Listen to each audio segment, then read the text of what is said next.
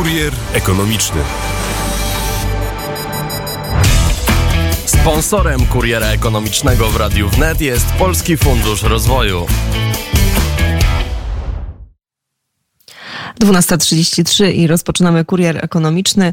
Gościem dr Janusz Wdzięczak, ekonomista, historyk gospodarczy, specjalista w zakresie finansowania inwestycji, a także rynków Europy Wschodniej. Dzień dobry. E, witam pani redaktor, witam wszystkich słuchaczy ze Słonecznej Łodzi.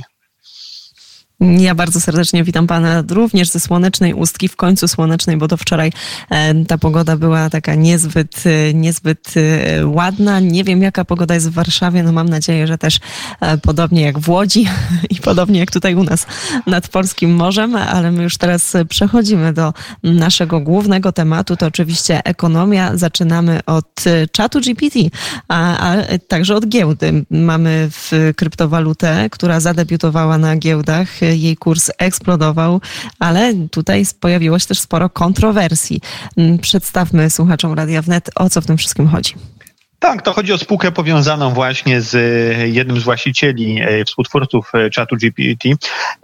Oni stworzyli nową kryptowalutę i ta kryptowaluta ma docelowo według twórców ma być generowana e, na potrzeby e, zarejestrowanych użytkowników, którzy, cytat, udowodnią, że są istotami żywymi.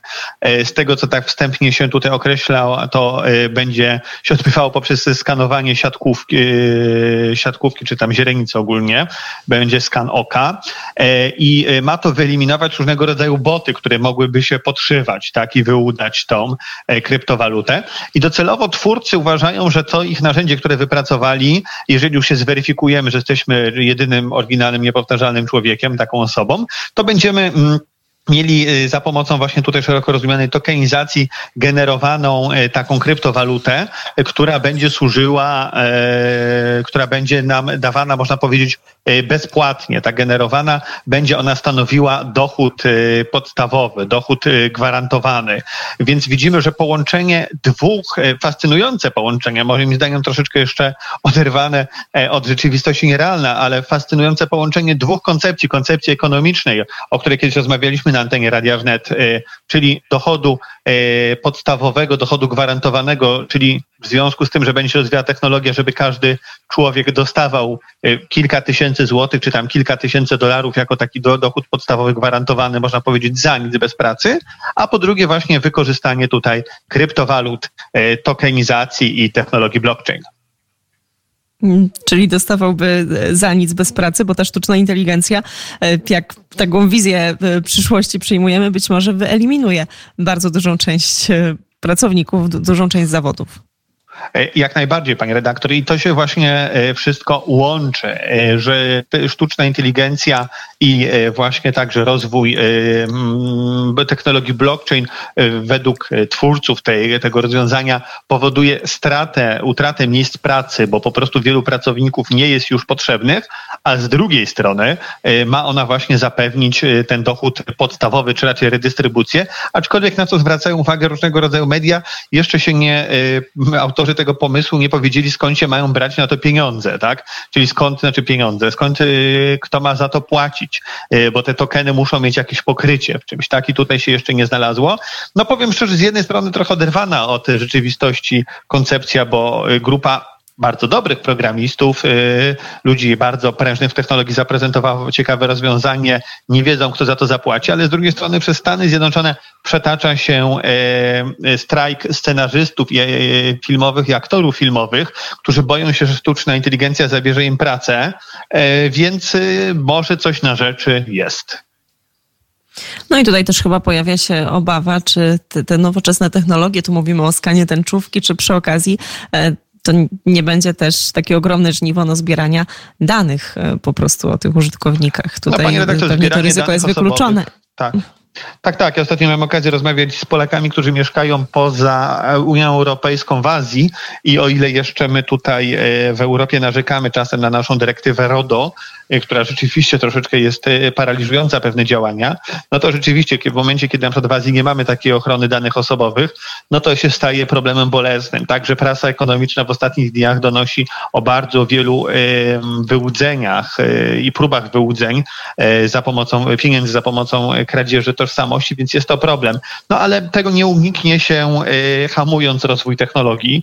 W ogóle hamowanie technologii myślę, że nie pomoże nam jakiegokolwiek problemu rozwiązać i wchodzący właśnie do kin film o Oppenheimerze o twórcy bomby jądrowej też pokazuje, że nie da się postępu zatrzymać. Pytanie tylko, czy będziemy jako ludzkość w stanie sprawnie zarządzać tym postępem. Pani redaktor, szanowni państwo.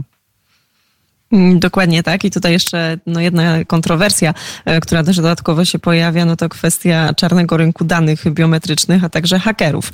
E, wiemy nawet na przykładzie e, w, tutaj, w, w, o, o, którym teraz rozmawiamy, że na przykład żadne z tych urządzeń ORP, ORP nie znajduje się w tym momencie w Chinach, ale mieszkańcy Chin już znaleźli sposób, żeby zakwalifikować do, zakwalifikować się do tego projektu.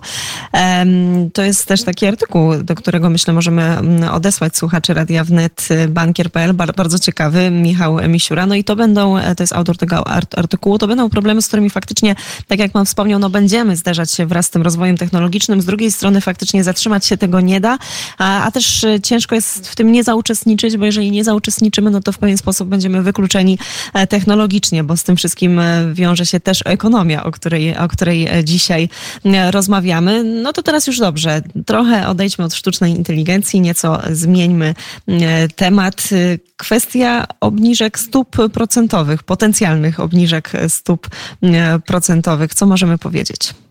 No też tutaj, pani redaktor, media są bardzo aktywne. Widzimy po takim przeglądzie prasy, możemy zobaczyć. Jeden z dzienników opublikował dzisiaj badanie e, przeprowadzone na grupie kilkudziesięciu polskich ekonomistów dotyczących, e, dotyczące, dotyczące tego, czy stopy procentowe powinny być e, obniżone, podwyższone e, lub zostać na tym samym e, poziomie. I większość ekonomistów wedle tego badania jest zwolennikami tego, żeby tych stóp już przynajmniej na razie nie obniżać, tak? Zdecydowanie nie obniżać. Jeżeli już, to żeby je nawet podwyższyć. Dlatego to badanie bardzo popularyzuje pani profesor Tyrowi z Uniwersytetu Warszawskiego, członkini Rady Polityki Pieniężnej, która jak z protokołu wynika jest z tego, co tutaj czytałem, zwolennikiem podwyższenia jeszcze stóp procentowych. Ona takie prezentuje, jak to się mówi, bardziej monetarystyczne podejście, tak? Dla naszych słuchaczy możemy powiedzieć takie bardziej w dużym, bardzo dużym uproszczeniu liberalno-wolnorynkowe, chociaż to oczywiście jest to znaczne uproszczenie. Ona jest zwolennikiem właśnie tego, żeby inflację znacząco Y, zmniejszać i uważa ona, zarówno jak i wielu tych ekonomistów biorących udział w tym panelu y, badawczym, że to inflacja jest problemem, a nie jest problemem groźba bezrobocia i spowolnienia gospodarczego. Tak? Aczkolwiek to spowolnienie widzimy, spowolnienie całej gospodarcze, spowolnienie w przemyśle, znaczy ja powiem szczerze, ja uważam to za bardzo w ogóle pozytywny fakt, ponieważ mamy w Polsce bardzo wiele dyskusji politycznych na różnego rodzaju e, tematy światopoglądowe. E, ostatnio ta dyskusja jest już w ogóle w bardzo skrajnym przedwyborczym trybie. Bardzo się cieszę, że przynajmniej na poziomie Rady Polityki Pieniężnej Środowiska Ekonomistów ta dyskusja jest jeszcze na jakimś poziomie w miarę e, tolerowalnym, w miarę wysokim i odbywa się za pomocą właśnie argumentów, a nie ataków personalnych. Ten panel pokazuje nastawienie wielu ekonomistów. Być może bardziej skupia się w ogóle wśród naszych ekonomistów, szczególnie tutaj nie chcę, ja mam duży szacunek do moich kolegów, mimo wszystko bardziej takie właśnie monetarystyczne e, poglądy mm, dominują, ale mamy też myślę coraz większe grono młodych ekonomistów, które ma podejście trochę bardziej, ktoś mówi, alternatywne. I to, I to cieszy i to jest e, ważne. My jeszcze będziemy do tych tematów powracać w Kurierze Ekonomicznym. Ja tymczasem bardzo serdecznie dziękuję. Doktor Janusz Wdzięczak, ekonomista, historyk gospodarczy, specjalista w zakresie finansowania inwestycji, a także rynków Europy Wschodniej, był gościem Kuriera Ekonomicznego. Dziękuję za rozmowę i życzę spokojnego i słonecznego dnia i panu, i wszystkim słuchaczom Radia Wnet z Łodzi, a także z okolic. Dziękuję, dziękuję bardzo. Pozdrawiam Pomorze Zachodnie. Do zobaczenia. Do zobaczenia i do usłyszenia.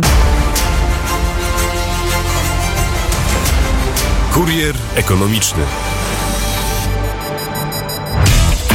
Sponsorem kuriera ekonomicznego w Radiu Wnet jest Polski Fundusz Rozwoju.